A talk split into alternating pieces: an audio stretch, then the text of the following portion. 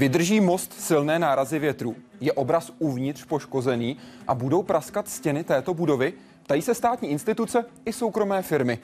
A odpovídají vědci z Centra Excelence Telč. To je vybavené unikátními přístroji, třeba speciálním tomografickým skenerem, který umí v uvozovkách vyfotit třeba obraz s rozlišením 500 megapixelů, nebo klimatickým větrným tunelem, ve kterém může svítit slunce, pršet, mrznout i foukat silou hurikánu. Kde pomáhají odborníci v praxi? Jaký je zájem o jejich práci a jaké ponaučení jim přináší přírodní katastrofy?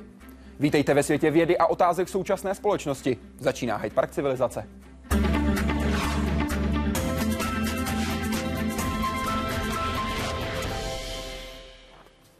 A vaším dnešním prvním hostem je profesor Miloš Drdácký, ředitel Ústavu teoretické a aplikované mechaniky Akademie věd České republiky. Vítejte, dobrý den. Dobrý večer. Nejenom jeho, ale i jeho dvou dalších kolegů se můžete ptát během celého dnešního vysílání. Stačí, když vyrazíte na web www.hydeparkcivilizace.cz. Tam jsou všechny cesty, které můžete zvolit pěkně pohromadě. Web, Facebook, SMS, Twitter nebo Google+. Záleží na vás. Míříme teď do Centra Excelence Telč, míříme tedy na Vysočinu. Nenápadné budovy na okraji Telče Právě tady, ve městě známém hlavně pro své historické centrum, vědci nejnovějšími metodami odhalují tajemství cených historických artefaktů. V laboratoři tomografie tu pronikají do hloubky materiálů, můžou zjistit jejich složení, slabá a poškozená místa a vše nakonec digitálně zrekonstruovat v trojrozměrném provedení.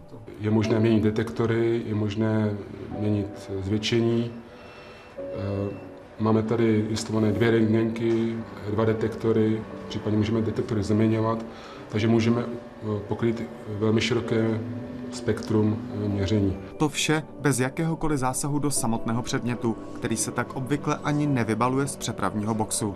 Pro galerie nebo soukromé sběratele je to ideální způsob, jak zjistit maximum informací o největších skvostech ve sbírkách. V Národní galerii třeba máme starší nějaké průzkumy obrazů nebo soch a tím právě, že jsou tady nové ty zobrazovací možnosti, i ty nedestruktivní dneska, takže se k mnoha věcem znova vracíme a vlastně, jak bych řekla, ta databáze o těch jednotlivých dílech se nám krásně rozšiřuje. Výhodou telčské laboratoře jsou i výrazně nižší finanční nároky. Vedle zakázek z Česka se tak ozývají i zahraniční zájemci. We're looking for a long uh, lasting uh, collaboration for the coming four five years we, we set out this program. Na tomhle pracovišti se klouže po povrchu. V aerodynamickém tunelu se testuje schopnost starých i nových staveb odolávat dlouhodobým účinkům větru. Takový aerodynamický tunel je vlastně velmi sofistikovanou experimentální laboratoří. V níž výkonné ventilátory dokážou vzduch hnát až rychlostí hurikánu a tak napodobit vítr. V klimatickém tunelu navíc v kombinaci s velkými výkyvy teplot.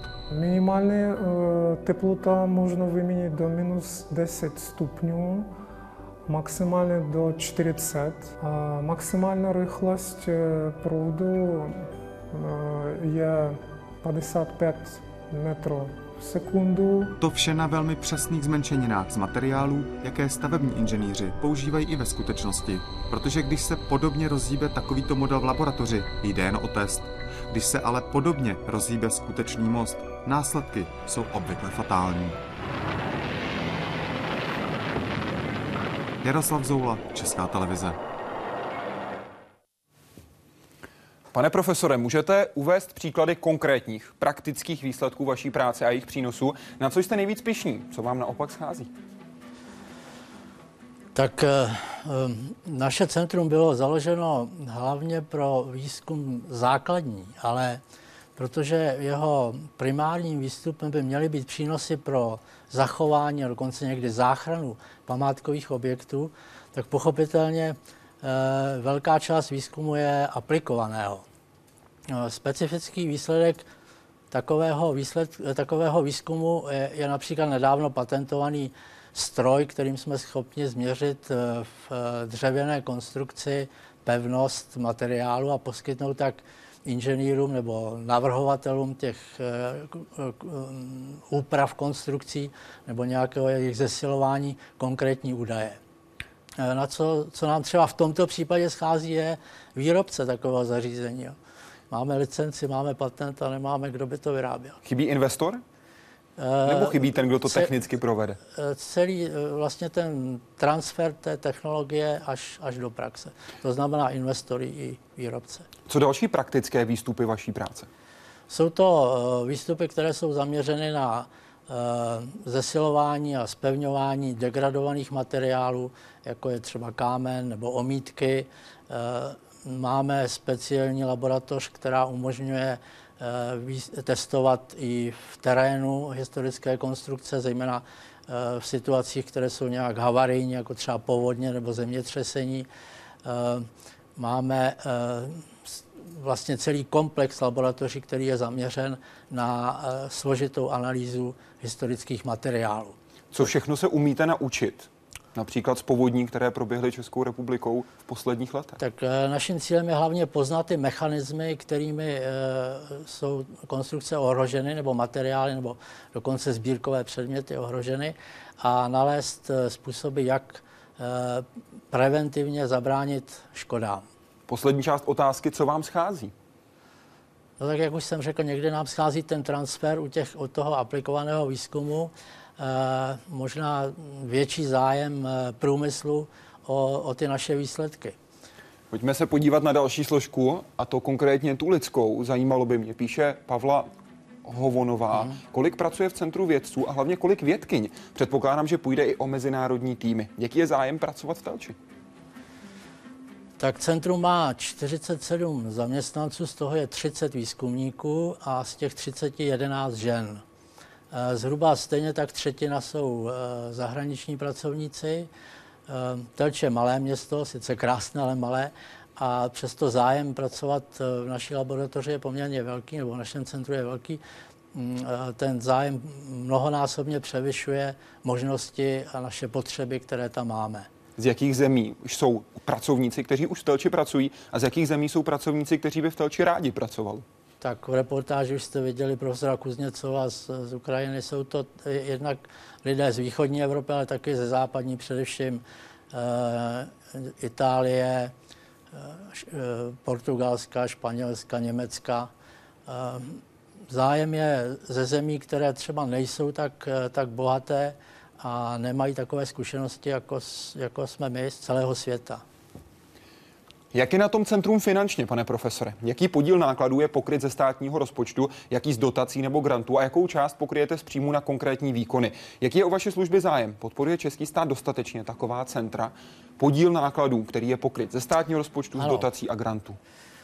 Tak ehm, to centrum bylo budováno v rámci takzvaného operačního programu Věda výzkum pro inovace za podpory Evropského regionálního rozvojového fondu a České republiky, českého státu. A český stát, a, a tato soutěž samozřejmě má pravidlo, že pět let po dokončení projektu musíte udržet určité indikátory, určité ukazatele, eh, které to, to centrum musí plnit. Eh, pro tuto, eh, pro tuto časovou oblast máme finance z takzvaného programu, národního programu udržitelnosti, což v této chvíli představuje 47% našeho ročního rozpočtu. Je to vlastně forma jakéhosi projektu, který jsme museli předložit a který byl schválen. E, dalších 48 e, tvoří příjmy z grantových projektů, národních pro základní výzkum z Grantové agentury České republiky nebo aplikovaný výzkum, většinou tedy z Ministerstva kultury pro, pro ty památky, pro ty památkové objekty a případně další, jako třeba přeshraniční projekty rakousko-české spolupráce a podobně. No a zbývajících 5 eh, jsou eh, peníze ze smluvního výzkumu, expertní činnosti, prostě práce Jednorázové pro, zakázky pro, pro, pro soukromý ano. sektor. Když... Nemáme teda, když jsem u toho, tak, tak eh, prakticky nezatěžujeme vůbec Eh, rozpočet Akademie věd, tím, že to centrum bylo vytvořeno. Jsme zcela soběstační. Výše té dotace byla na hranici 238 milionů korun. Ano. Vy jste přidal ty procenta, přidejte prosím i to číslo, které znamená objem ročního rozpočtu, se kterým pracujete. Ten objem toho ročního rozpočtu je něco přes 30 milionů. Jdeme na Facebook, A za otázkou Martiny Rudé, kterou zajímá konkrétní výzkum, podívala se na Facebooku, kde viděla fotky katedrály svatého Víta a čidla, která měří působení větru. Kolik dat jste v tomhle případě nazbírali? Jak dlouho je pak vyhodnocujete a ověřujete je následně i měřením přímo v terénu? Výzkum katedrály svatého Víta. Těch dat uh, jsou jsou miliony nebo miliardy, můžeme říct, to, to se eh, vyhodnocuje velice dlouho, ale eh, na té katedrále svatého Víta eh, je řada problémů, že jsou tam problémy teplotních poruch.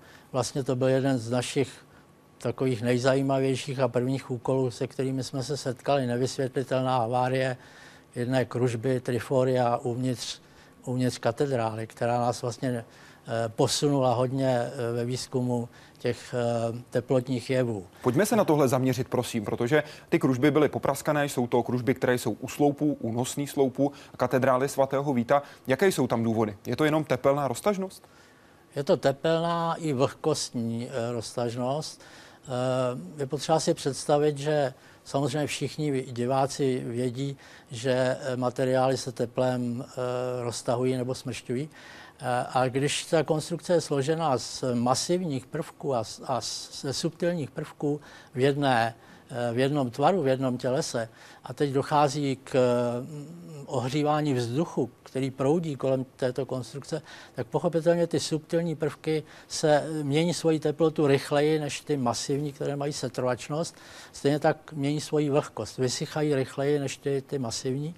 A ty teplotní změny znamenají tedy, že ty subtilní se smršťují. Tento proces je cyklický, několikrát se opakuje za života té konstrukce, až vznikne nějaká malá porucha, trhlina a může to celé kolabovat. Když hovoříme o těchto silách, diváci si, já myslím, dobře dokáží představit tu sílu, která působí samotnou vahou, samotnou hmotností té dané stavby. Porovnejme tu sílu s tou, která vzniká právě tepelnou rozpínavostí. Eh, jsou to síly, které jsou na úrovni pevnosti eh, materiálu. Řekl bych to asi takhle, protože to je možná nejpochopitelnější. Když porovnám to napětí, které způsobuje ta změna teploty, dá se tohle napětí srovnávat s napětím způsobené tou vlastní tíhou?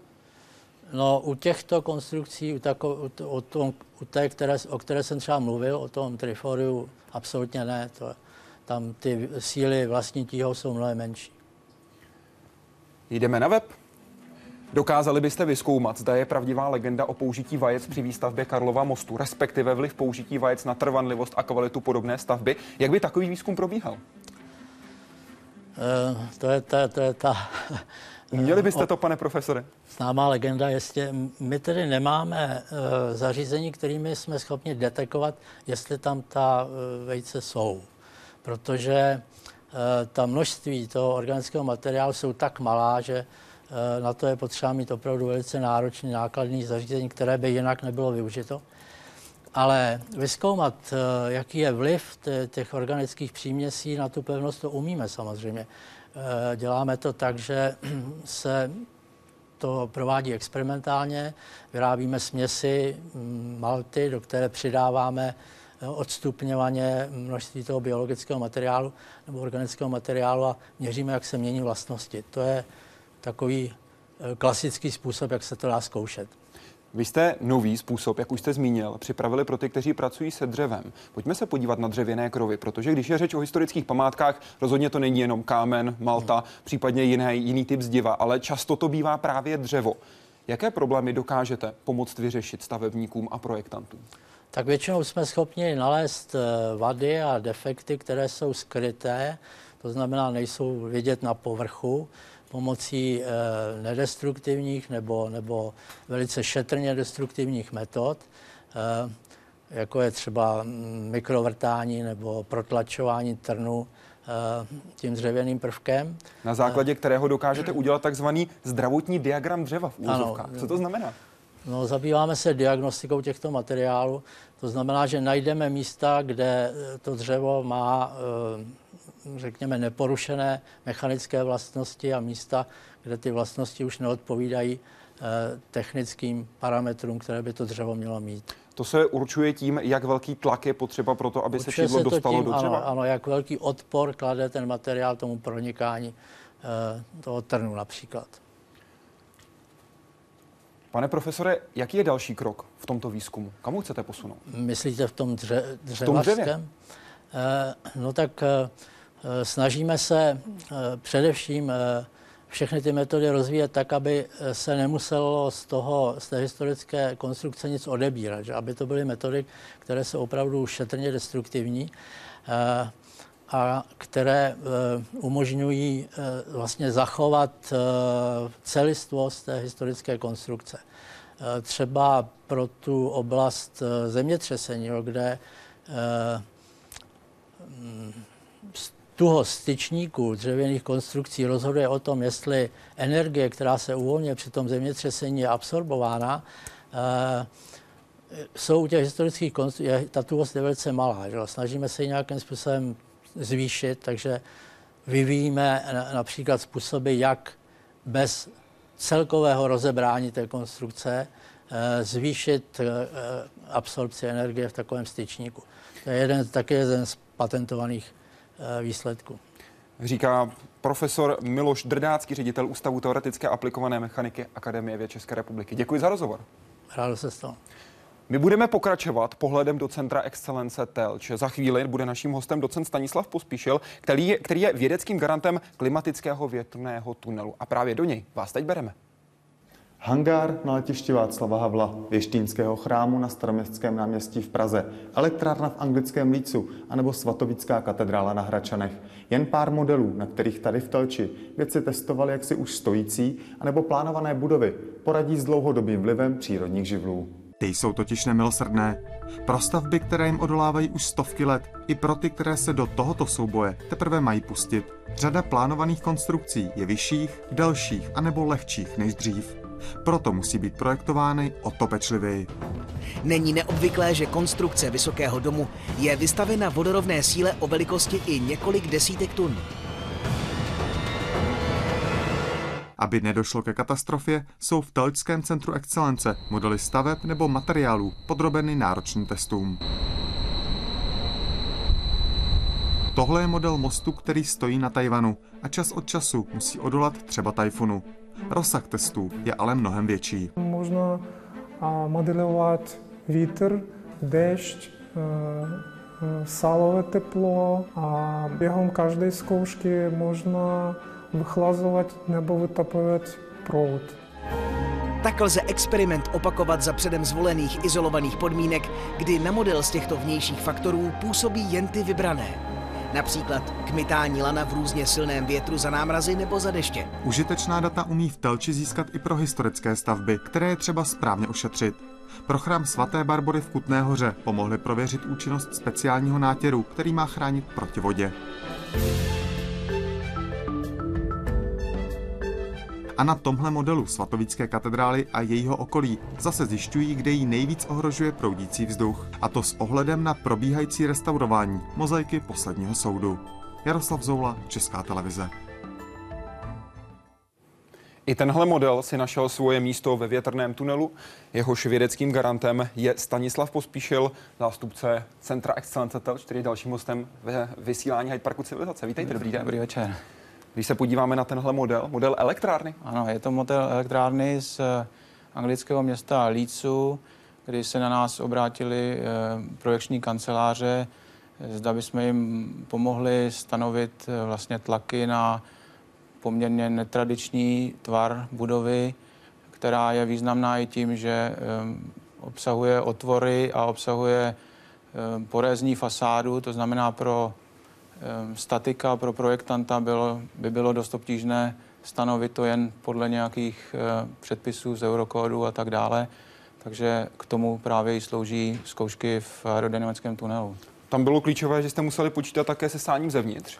Ano, proto jak tam vidíte, nebo nevím, jestli je tam úplně vidět, je tam spousta trubiček a které eh, pomocí hadiček jsou vyvedeny ke eh, tlakovým snímačům a ty jsou i e, dovnitř, i ven. To znamená, že vlastně my dokážeme měřit i sání, i tlaky, jak uvnitř fasády, tak uvnitř té budovy. Důležité bylo také to okolí. Důležité bylo okolí, tady je jenom část toho okolí, my jsme modelovali také, a tak se to většinou dělá, modeluje se i to nejbližší okolí podle nějaké e, mapy a také v tom tunelu, v tom, na tom, při tom přicházejícím větru se modeluje vlastně, tomu se říká atmosférická mezní vrstva, která vytváří podobné podmínky, jako jsou ve skutečnosti v atmosféře. Jak Ten nejbližší, moc... nejbližší, co je k Zemi. Jak moc jste doporučili předělat tento projekt po té, co jste ho testovali?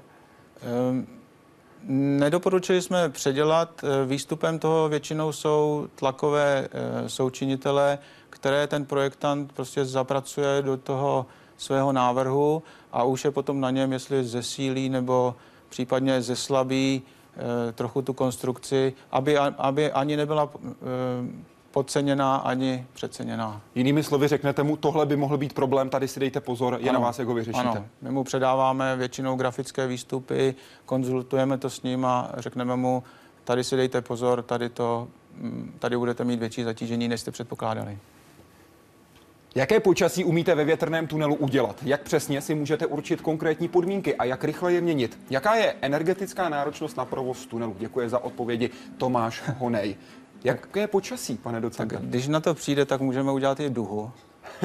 Kdyby jsme pustili sprchy a pořádně na to zasvítili, tak by se to asi dalo podařit, ale teďka vážně, eh, řekl bych, že počasí úplně dělat neumíme. Někde jsem četl, že to je stroj na počasí, což není úplně přesný název. Umíme spíše modelovat některé typické eh, podmínky, eh, toho, které se dějou, takže například můžeme udělat eh, déšť, můžeme udělat déšť s větrem, můžeme vytvořit námrazu s větrem, i když za tu poslední námrazu včera jsme nemohli. Teď vidíme zelený vítr. Proč zelený? Ten zelený vítr je, eh, on není zelený, on je jenom šikovně osvětlený zeleným, zeleným laserem.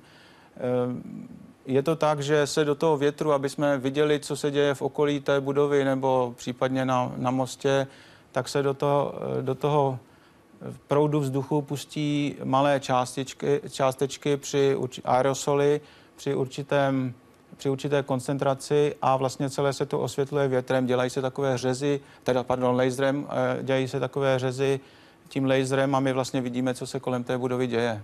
Jak rychle dokážete změnit podmínky? Eh, dokážeme změnit hodně rychle, v podstatě vítr dokážeme měnit eh, v okamžiku, protože v podstatě jenom přidáme trošičku na otáčkách toho ventilátoru. Co energetická náročnost? Energetická náročnost, není to tedy žádný mastodon, také jsme to také tak projektovali, ten, ten tunel. V podstatě mm, největší, kdyby se pustilo vše naplno, to znamená rychlost větru 120 km za hodinu nebo až 150 km za hodinu, to je 200 kW eh, toho, té energie eh, té turbíny plus chlazení, které je nějakých 80 kW, tak máme 280 kW. Záleží samozřejmě také na účinnosti, protože při vyšší rychlosti se ta účinnost toho chlazení snižuje. Takže řekněme nějakých 200 kW je ta maximální energetická náročnost. A samozřejmě to také záleží na počtu využití větrného tunelu. Kolik experimentů stihnete týdně udělat? A co zkoumáte nejčastěji? Eh, no, eh, kolik experimentů stihneme týdně udělat? Ono se to nedá úplně takhle říct. My můžeme mít jako eh, experiment považovat jako jedno měření, tak v tom případě mm, například za ten týden stihneme udělat třeba 20 měření, ale když nazveme celým experimentem jako jeden takový balíček těch, těch měření, tak řekněme tak eh, jedno týdně, jedno za 14 dní. Nicméně největší problém je nikoli v to samotné měření, ale ta příprava a potom ta analýza těch, těch dát z toho měření. Kolik to zabere času? To také záleží na mnoha okolnostech. Zda, zda použijeme procedury, které už jsme kdysi použili, nebo je potřebujeme upravovat. Také to záleží na tom, jak klient spěchá.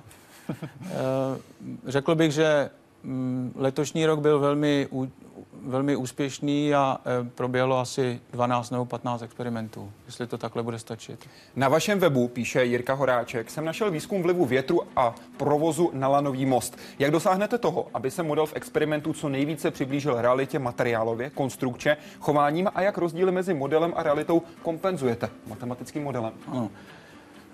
Asi bych tady začal nejdříve, že e, samozřejmě nejlepší je zkoušet všechno jedna ku jedné. To je, to je nejpřesnější. Samozřejmě to tady nejde, To znamená, používá se takzvaná rozměrová analýza, kde se eh, stanovují pomocí fyzikálních veličin určité zákony podobnosti, které pak musíme splnit. Oni samozřejmě nejdou splnit všechny, to znamená, že vyberou se z nich některé, které jsou pro ten daný jev podstatné a ty ostatní se zanedbávají, nebo se případně v dalším experimentu zase může dát důraz na ty, na ty jiné podobnosti a ten experiment se opakuje. A ten výsledek, můžeme se na něj skutečně spolehnout? E, můžeme se na něj, já bych řekl, že můžeme se na něj s, e, s jistou pravděpodobností spolehnout. Jakou My se pravděpodobností? Snažíme, to, je, to asi nevím, to je opravdu složité. Jde o to, jestli je to 5 nebo 95% No 5, 5% to určitě není. 5 tak kolik to řádově? Řekněme k těm 90%. A ten zbytek právě té nepřesnosti nebo té nejistoty se snažíme dohánět například i tím matematickým modelem, nebo co používáme často, co dělají moji kolegové a lépe se v tom vyznají, jsou numerické, modely, jsou numerické modely proudění kolem konstrukce, jak jsme měli možnost vidět v tom jednom vstupu. Rozhodně ano. Teď, když se podívám tady u nás po studiu, tak tady vidím jeden tajvanský most, ano. respektive jeho model. Ano. Most, který má ve svých reálných parametrech délku 330 metrů, šířku 34,5 metrů. Toho hlavního pole. Toho hlavního pole a výšku věže 183,5 metru. My tady máme teď jeho model, vybavený také hadičkami. Co přesně ty hadičky znamenají, k čemu jsou, pane docente?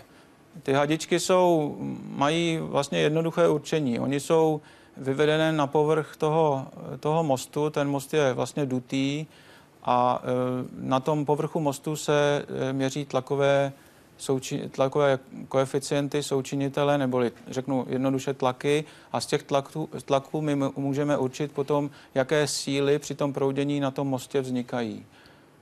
Jaké to byly konkrétně tady v případě tohoto mostu, Kauši Bridge? Ano. Jaké ty síly byly, s jakými silami se tam pracuje? Jak si to můžeme představit? S čím to můžeme třeba porovnat, pane docente? Jo, tady, jako, já neřeknu přímo, jaké to byly síly, síly v tunách, ale tady se většinou stanovují tlakové součinitele, které vlastně jsou uh, určitým bezrozměrnými koeficienty, uh, které, které, nám, které se potom porovnávají třeba s jinými autory a učí se, zda uh, může docházet k nějakému vybočení toho mostu, zda ty síly, jsou, které působí, můžou vést k nějakému eh, přílišnému namáhání. Jak to bylo v tomto případě? Objevily se nějaké rizikové oblasti, nějaká riziková místa? Eh, v tomto případě se eh, naše výsledky shodu, shodovaly s, s výsledky z na, našich partnerů v, v Tajvanu, na Tajvanu, až na některé maličkosti, které my budeme ještě dalšími experimenty objasňovat. Co všechno sleduje tenhle jeden most? Vezměme si ho jako příklad. Ano. Máte ho ve svém klimatickém větrném tunelu. Máme tady tlakové senzory. Co dalšího sleduje v tomto tunelu právě takovýhle experiment?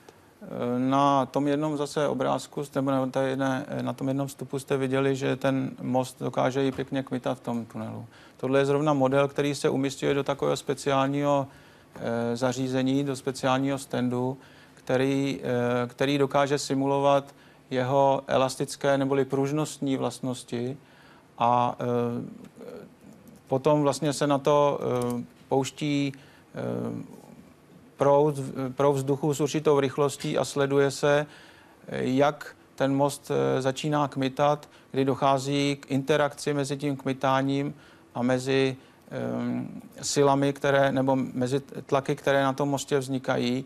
A zase stanovují se v tomto případě určité eh, koeficienty, které jsou ale časově proměné a které nám dokáží říci, za kterých rychlostí může dojít ke takzvané ztrátě stability toho mostu, jak jsme zase viděli při tom případě toho známého Takomského mostu, který se zřítil. Tady vidíme právě rozkmitaný most přímo při samotném testování ve větrném klimatickém tunelu. Jak dlouho trvalo testování takovéhoto modelu, tohoto konkrétního příkladu? Protože se tam eh, jedná o měření několika rychlostí eh, za, určitý, za určitého naladění té konstrukce, tak ten, ta jedna zkouška toho mostu trvá, řekněme, přibližně 14 dní. Jdeme na Facebook na otázku od Pavla Krňáka. Jak ovlivňuje památku či její konkrétní část orientace vůči světovým stranám? Je velký rozdíl například v eh, době, po kterou se uchovává malba na severní a jižní stěně? Zohledňuje se toto při nových stavbách? Děkuji a přeji mnoho úspěchů. Nevím, jestli je úplně přesně tohle otázka pro mě, ale samozřejmě ta uh, orientace vůči světovým stranám z hlediska toho větru, tu, to namáhání, to synergické namáhání větrem, deštěm a tak dále ovlivňuje podstatně. Co výzkum, který se týká samotného proudění vzduchu ve městech? Protože já vím, že se zaměřujete také na modelování toho, jak proudí vzduch ve městech z toho důvodu, abyste mohli pomoct o vzduší. V, jakém, v jaké fázi jste? Jak to může vypadat?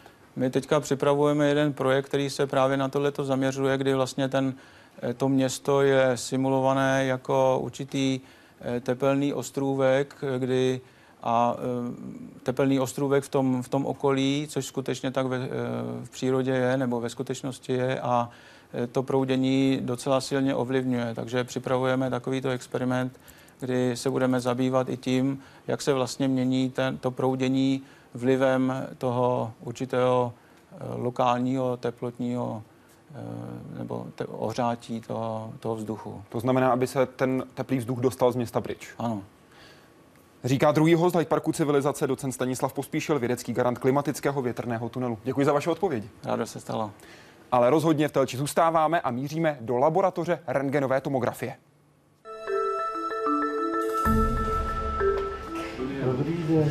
Zástupci Národní galerie v Praze přivezli vzácný dřevěný relief z 16. století. Autorem jsou si jistí. Ve dřevě nechal svou signaturu. Přesné jméno ale neznají. Ale je známá jeho tvorba. Měl ohromnou zručnost, do toho jemného dřeva prostě zpracovat nádherný detaily, takže eh, ty jeho věci jsou velice ceněný a jsou opravdu nádherný. Zručnost neznámého mistra vystupuje na povrch, a to v nasnímaných detailech, které mohou být menší než je jedna setina milimetru. Je zřejmý typ i struktura dřeva a míra jeho poškození. Teď ten počítač vlastně prochází jednotlivé snímky a, a rekonstruuje ten finální objem který chceme a ten můžeme potom vizualizovat zase v dalším softwaru. Zácnost děl monogramisty IP, jak ho kunzistorici označují, dokládá třeba to, že tento křídlový oltář je na křtitele Stínského chrámu v Praze. Je teď na výstavě ve Frankfurtu, odkud se přesune do Vídně. Do českých zemí dodával eh, z dílny Pasovské právě práce, které měly velice specifický charakter. Skutečně patřily mezi ty špičkové výtvory takzvané Dunajské školy. Pro zobrazovací kvalitu je důležitá přesnost polohování a pohybů tomografu. Dále je zásadní velikost tzv. emisní skvrny generátoru rentgenova záření a kvalita zobrazovače záření. Výjimečnost zařízení v Telči dokládají i zahraniční návštěvy. V tomhle případě jde o zakázku z Nizozemí. Je to obraz zhruba 500 let starý. Jeho majitel chce zjistit, jak přesně byl v průběhu staletí restaurován. Natočení samotného plátna ale nedovolil. Celá záležitost je příliš citlivá. Most paintings are restored uh, once in a hundred years, average. So when it is 500 years old, it is at least five, six times restored. And these re restorations, they leave traces. Tohle je jedna taková stopa. Nejspíš rozlitý alkohol, který se na plátno dostal, když bylo ve vodorovné poloze. Další ze střípků historické mozaiky, kterou v rengenové laboratoři v Telči skládají. And there is no other instrument in the world at this moment where we can do that. It's only here at Telch. A že jde v případě tohoto utajovaného obrazu nejspíš opravdu o velkou věc, dokládá i to, že s ním z Nizozemska přijeli tři experti, kteří v Telči zůstali několik dní. Jaroslav Zoula, Česká televize. A právě s tímto přístrojem pracuje mimo jiné Daniel Vavřík, vědecký garant laboratoře rengenové a neutronové radiografie. Vítejte v Hyde Parku civilizace. Dobrý večer. Pojďte nás, pane doktore, hned vzít do laboratoře. Co uvidíme, když tam přijdeme? Viděli jsme tady tyto obrázky, které nás vzali k tomuto unikátnímu zařízení. Jak se s ním pracuje a proč je tak unikátní? No, unikátní je proto, že nás bavilo udělat něco unikátního. Eh, vy si v principu můžete koupit eh, tomografický skener ve fabrice, Eh, který bude učený na jednu věc a můžete dělat skeny, jak vás napadne.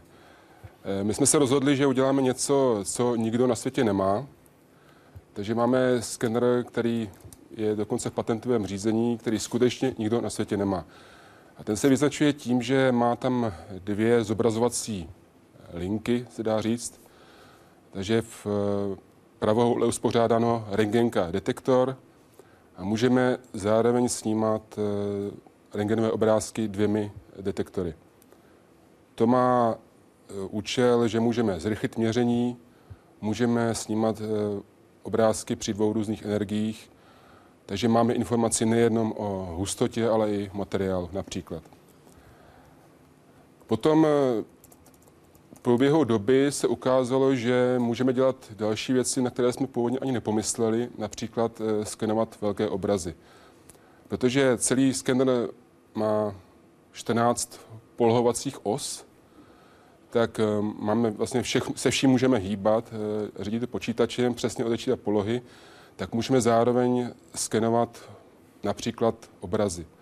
Vy když říkáte, že můžete přesně polohovat, tak to je, dalo by se říct, eufemismus, protože vy máte tu přesnost na hranici 200 nanometrů, pokud jde o rotační stolek. A to je pro představu diváků, to je desetina jedné kapky mlhy.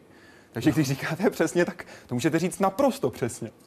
Eh, to se taky takhle úplně nedá říct. Ano, dobře, eh, rotační stolek je skutečně, skutečně velmi přesný. Ale celý systém je mm, když něco vyrábíte ve fabrice, tak je nějaká, nějaká přesnost strojů. A tu nepřekročíte. To, či, to, s čím zvýšíte přesnost, je to, že v našem případě tam máte absolutní odměřovací systém, s kterým zjistíte, kde přesně jste, nebo s kterým si myslíte, že, že víte, kde jste. Potom uděláte obrázky a e, tu přesnou polohu dopočítáte. Protože zase tak přesně to už nejde udělat. To znamená, že my si uděláme měření a z měření zjistíme, přesné, přesnou geometrii a tu zahrneme do rekonstrukce nebo do skenování. To je jedna miliontina metrů, když hovoříte o této přesnosti, takže hodně velká přesnost. Pojďme se podívat, pane doktore, na Facebook. Václav Novoborský se totiž ptá. Díval jsem se teď na fotky obrazu a zajímalo by mě, jak dlouho trvá tak podrobný sken připravit. Kolik dat dáváte dohromady? Jsou tam nějaká rušení? Upřesním, to je obraz, který jsme dali na facebookové stránky pořadu Hyde Park civilizace obraz les od Edvarda Mucha. Pojďme se podívat na ten samotný proces. Jak jste ho skenovali? Jak dlouho to trvalo?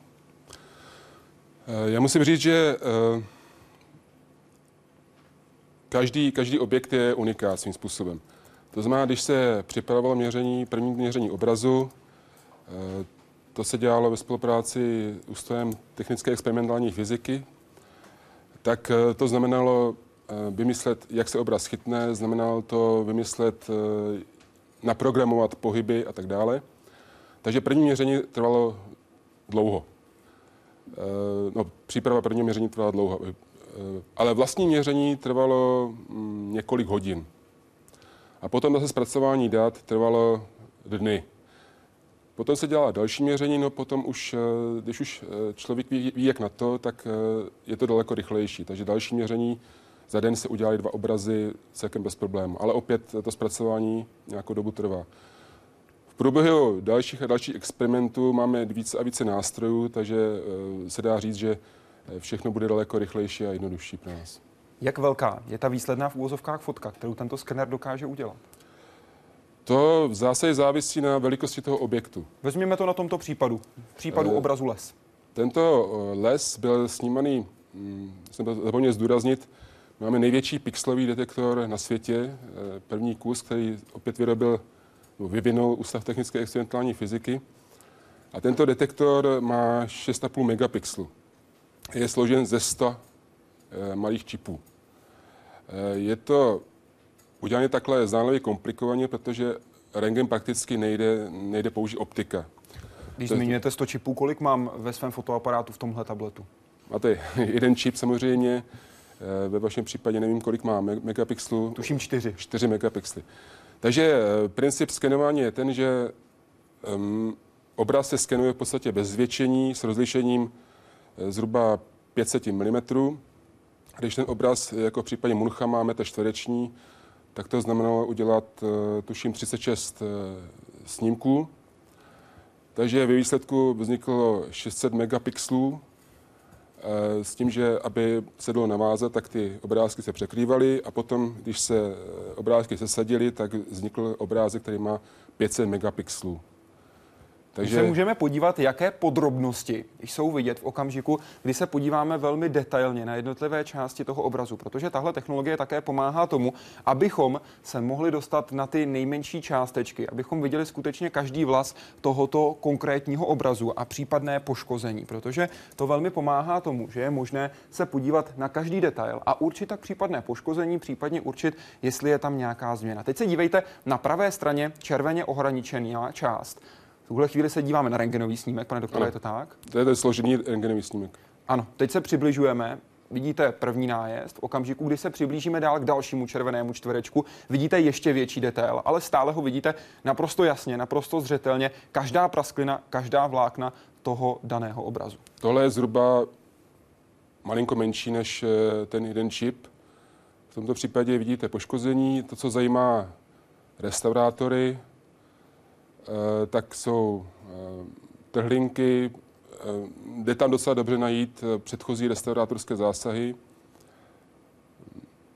a spousta dalších detailů, které mě jsou cizí, nejsem restaurátor, ale když to Jiří Latenkranc viděl, tak říkal, že nikdy nic takového neviděl a jenom seděli a zírali.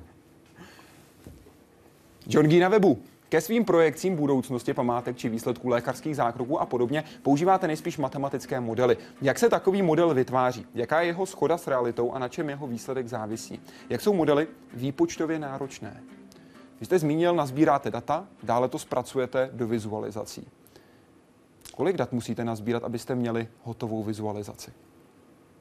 Tento dotaz se směřuje k něčemu jinému, ale eh, Začneme to, tady je narážka čistě na lékařské zákroky, což si myslím, že je na jednu vizualizaci, kterou jsme také umístili na naší facebookovou stránku. My se na ní ostatně můžeme hned teď podívat, protože my jsme nechali naše diváky hádat, co je na ní. Je to malá lepka, malá v případě konkrétní praxe. O co jde, pane doktore? Dobře, tak eh, toto je lepka nanomyši, eh, která k nám přišla spolu eh, z ústavu obratlovců, no. Přišla k vám. Přišla k nám. Uh, ta lepka je opravdu velmi malinká. Uh, takhle vypadá v praxi, takhle v úvozovkách velká je. A kolega uh, na tom zkoumá um, evoluční teorie, to znamená, že se bude skenovat větší počet lebek, nebo skenuje se větší počet lebek a zkoumají se odlišnosti lebek s tím, že ty myši v daném biotopu se přizpůsobují svému prostředí. Takže tato myška, která je opravdu hodně malinká, dokáže rozkousnout eh, tvrdého brouka. Takže eh, se zkoumalo, jak vlastně vypadají zuby, které jsou milimetr velké zhruba.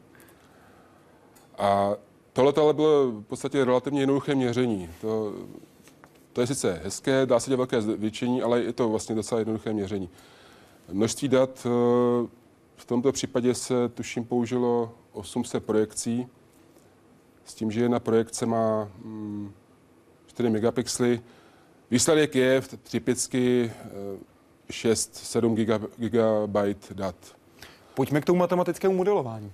To je jiný případ, nevím, jestli je na Facebooku vidět. Eh, docela zajímavá aplikace je v biomedicíně, kde je zajímavé sledovat, jakým způsobem, eh, jaká je odezva kosti na zatížení protože eh, doufejme, že v blízké budoucnosti bude možné udělat eh, takovou hezkou věc, že naskenujete pacienta, podíváte se, jak vypadají jeho kosti, spočítáte si, jak vypadají jeho kosti a na, na 3D tiskárně vytisknete jeho kloubní náhradu. Tak tomu to všechno směřuje. Na to potřebujete dobré matematické modely a ty matematické modely předpokládají, že se pořádně podíváte na eh, podrobnosti kosti, jak reagují na zatížení. Vy také pracujete s potenciálním výzkumem kmenových buněk. Tam to modelování se využívá také. Ne, to je, to je skutečně aplikace, to není modelování. Eh, to eh, dělalo nás oddělení biomechaniky ve spolupráci s lékařskou fakultou. Eh, tam jde o to, to mě překvapilo, pok- jde o to nahradit chybějící část obratle. Ano. A to se dá udělat kmenovými buňkami. K mému překvapení se to dělalo dokonce lidskými kmenovými buňkami. Takže ve 3D zobrazení tomografem je možné se podívat, jak dalece narůstají, kolik přibylo nových buněk, sklenových buněk.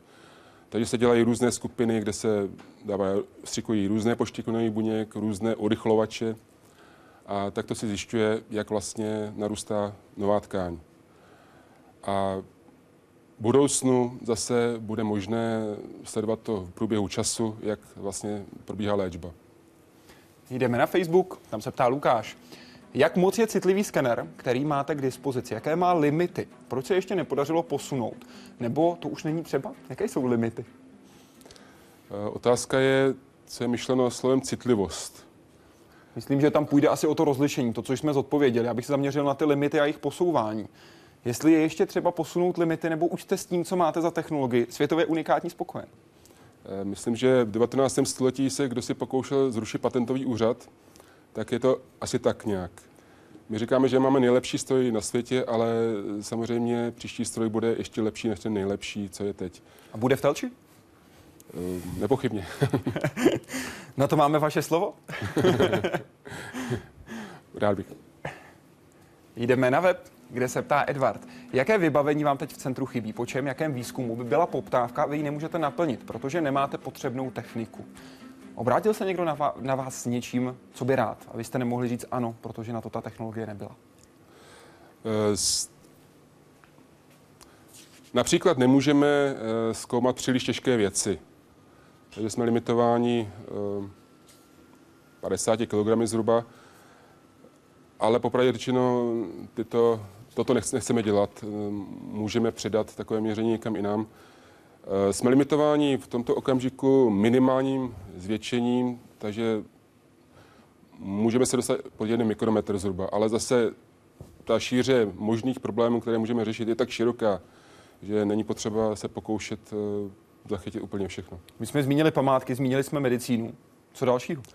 Docela zajímavý výzkum byl eh, letecké kompozity, uhlíkové letecké kompozity, který se taky u nás dělá, kdy to mě taky překvapilo, když se vyvíjí nový díl pro letadlo, který má být opravdu dobrý, tak musí být možné ho zkontrolovat. Pokud to není možné, tak se musí předizajnovat. Tady se hledají nové techniky, které dokážují od, odkryt detaily, které vlastně, nebo defekty, které předtím nebylo možné vidět. Takže například se u nás zkoumají i uhlíkové kompozity a na to se třeba ukázalo, že ta e, přístup se dvěma, dvěma energiemi funguje velmi dobře je možné vidět detaily, které předtím vidět nebylo, defekty. Co tam vidíte? Vidíte tam praskliny, vidíte tam špatně provedenou práci? Co tam vidíte? Uh, vidíte porozitu, ta je důležitá. Je možné spočítat porozitu. Uh, je možné vidět prasklinky samozřejmě. Je také možné vidět odtržení, delaminaci, jinak vrstev v laminátu a jednak uh, na to se použil právě ten přístup dvou, dvou, dvou energií, odtržení potahu od voštinového jádra. A kdy v normálním zobrazení, sice to, to, byly, to byla umělá porucha, když člověk věděl, kam se má dívat, taky sice mohl vidět, ale pokud se použil ten přístup do energií, tak to krásně vyskočilo a není žádný problém. Když jsem se byl u vás v centru podívat, konkrétně ve vaší laboratoři, tak mě zaujalo, že tam máte velké masivní dřevěné stoly. Proč? Máme tam jeden, jeden velký jeden stůl. velký, ano. Eh, je to, není to ku podivu řeznický stůl, je to stůl půl metru tlustý. Eh, v příštím roce se bude v Telči instalovat generátor neutronů, to je další metoda, která je vlastně doplňková k rengenům. Eh, a tam bude možnost kombinovaného zobrazování neutrony a rengenem. K čemu to bude dobré? Například neutrony je vidět, jsou vidět lehké prvky uvnitř pevné, no, husté matice, matrice, to znamená, že třeba voda v kameni je například vidět. To je rengenem vidět sice je, ale obtížně. No, za jakých jistých okolností. Tak to je možné vidět i malá množství. A ten, ty neutrony, když dopadají na kovy, tak aktivují, pak máte sekundární záření. Když dopadají na dřevo, tak se nic moc neděje, takže proto dřevěný stůl. Musí být upravené i stěny? Ehm, my se snažíme o to, aby, nebo ještě to neběží, ale ehm, aby ty neutrony vůbec na stěny nedopadaly. Takže všechno vykryje stůl. Ano. No. Na Facebooku se ptá Vandalisa, přeje dobrý večer. Jaká byla vaše nejzajímavější zakázka? Zajímavá otázka. Eh, zajímavost se, máme dvě zajímavosti. Zajímavost je, že buď to ten objekt jako takový je nesmírně zajímavý, jako například ten relief nebo ten much. A potom je, tak to je tak unikátní záležitost, že člověka opravdu baví e, něco takové rekonstruovat, zobrazovat. A pak, jsou, pak je zajímavost druhého typu, že e, je tam nějaká technologická výzva, že člověk musí vyvinout novou metodu, nové programy, takže třeba barevné zobrazování rengenem, to znamená, že u pixelového detektoru můžeme využít jeho vlastnost, že můžeme eh, si vybírat energetické kanály, tak to je, to je výzva, potom máte úplně jinou kvalitu zobrazování, úplně nové výsledky, eh, ty dvě energie a tak podobně. A když to posuneme ještě dál, co byste si přál zkoumat? Jaká je zakázka snů? zakázka snů? No. Eh, já bych rád zobrazil dělení buněk? Ne, to, to, že tu, nevím, nevím. Já myslím, že eh, spíš se zakázky snu eh, vznikají u piva, kdy člověk se setká s někým zajímavým a on říká, toto by bylo zajímavé a člověk si říká, šlo by to zobrazit, šlo by to udělat. A člověk chvilku diskutuje, říká si, ano, to je zajímavé, zobrazíme to. A takhle vznikají zakázky snů, něco nového. Vždycky Zakázka snů je prostě něco nového, co tu ještě nebylo. Jak často se potkáváte s kolegy ze zahraničí, se kterými právě takhle třeba u piva můžete diskutovat a hledat ty zakázky snů? No, jezdíme na konference pravidelně, takže na konferencích, eh, každý rok na konferencích, no a eh, jsou u nás eh, návštěvy, které přicházejí a s kterými právě diskutujeme o nových věcech, takže často. Přijíždějí do Telče. Proč zrovna tam, ptá se Anička. Má umístění centra nějakou souvislost se zápisem města na seznam světového kulturního dědictví UNESCO a tedy s historickými památkami Telč? To je otázka spíše na, na ředitele. Eh, já myslím, že to bylo z toho důvodu, že bylo relativně jednoduché v Telči eh, centrum postavit, protože Dneska, když eh, chcete postavit nové centrum, tak musíte schánět pozemky a tak dále a tak dále, finance. Takže tam se ta cesta ukázala jako nejjednodušší. Ale není to otázka na mě. Jak vás berou místní, když žijete v Telči, když pracujete v Telči, když zkoumáte v Telči, řeší Telčané to, že tam mají takovéhle centrum? Já v Telči se s místními bavím zřídka, ale co jsem se doslechl, tak uh, očekávali, že v telčských bude pracovat v Telči více, myslím v centru teda, pardon. Eh, ale to je otázka kvalifikace samozřejmě. Já myslím, že celkově je to, je to v pořádku.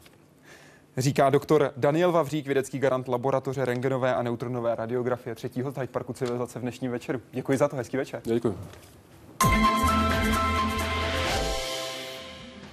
A už teď mám pro vás dvě důležité zprávy. První se týká hned tohoto pondělka, protože rozhodně vyražte na náš web dnes večer www.hydeparkcivilizace.cz, protože máte jenom dnešní večer a zítřek na to, abyste se ptali těch, kteří budou v dešném pralese, v polopoušti a v horském prostředí. Vyrážíme totiž pro vás natáčet do Fata Morgány, do Botanické zahrady v Praze, tak abyste mohli nový rok, 3. leden, odstartovat pěkně z Ostra i z Hyde Parkem civilizace. Takže ptejte se na všechno, co vás zajímá. Zima je tady, ale my míříme míříme mimo jiné do tropů. A navíc hned od úterka se budete moci ptát zase tak trochu na zimu, protože vyrazíme do Grónska. Vašimi hosty budou manželé Klempířovi, kteří už 18 let žijí v Grónsku. Bude na vás, co vás bude zajímat. Teď vám přeji hezký večer.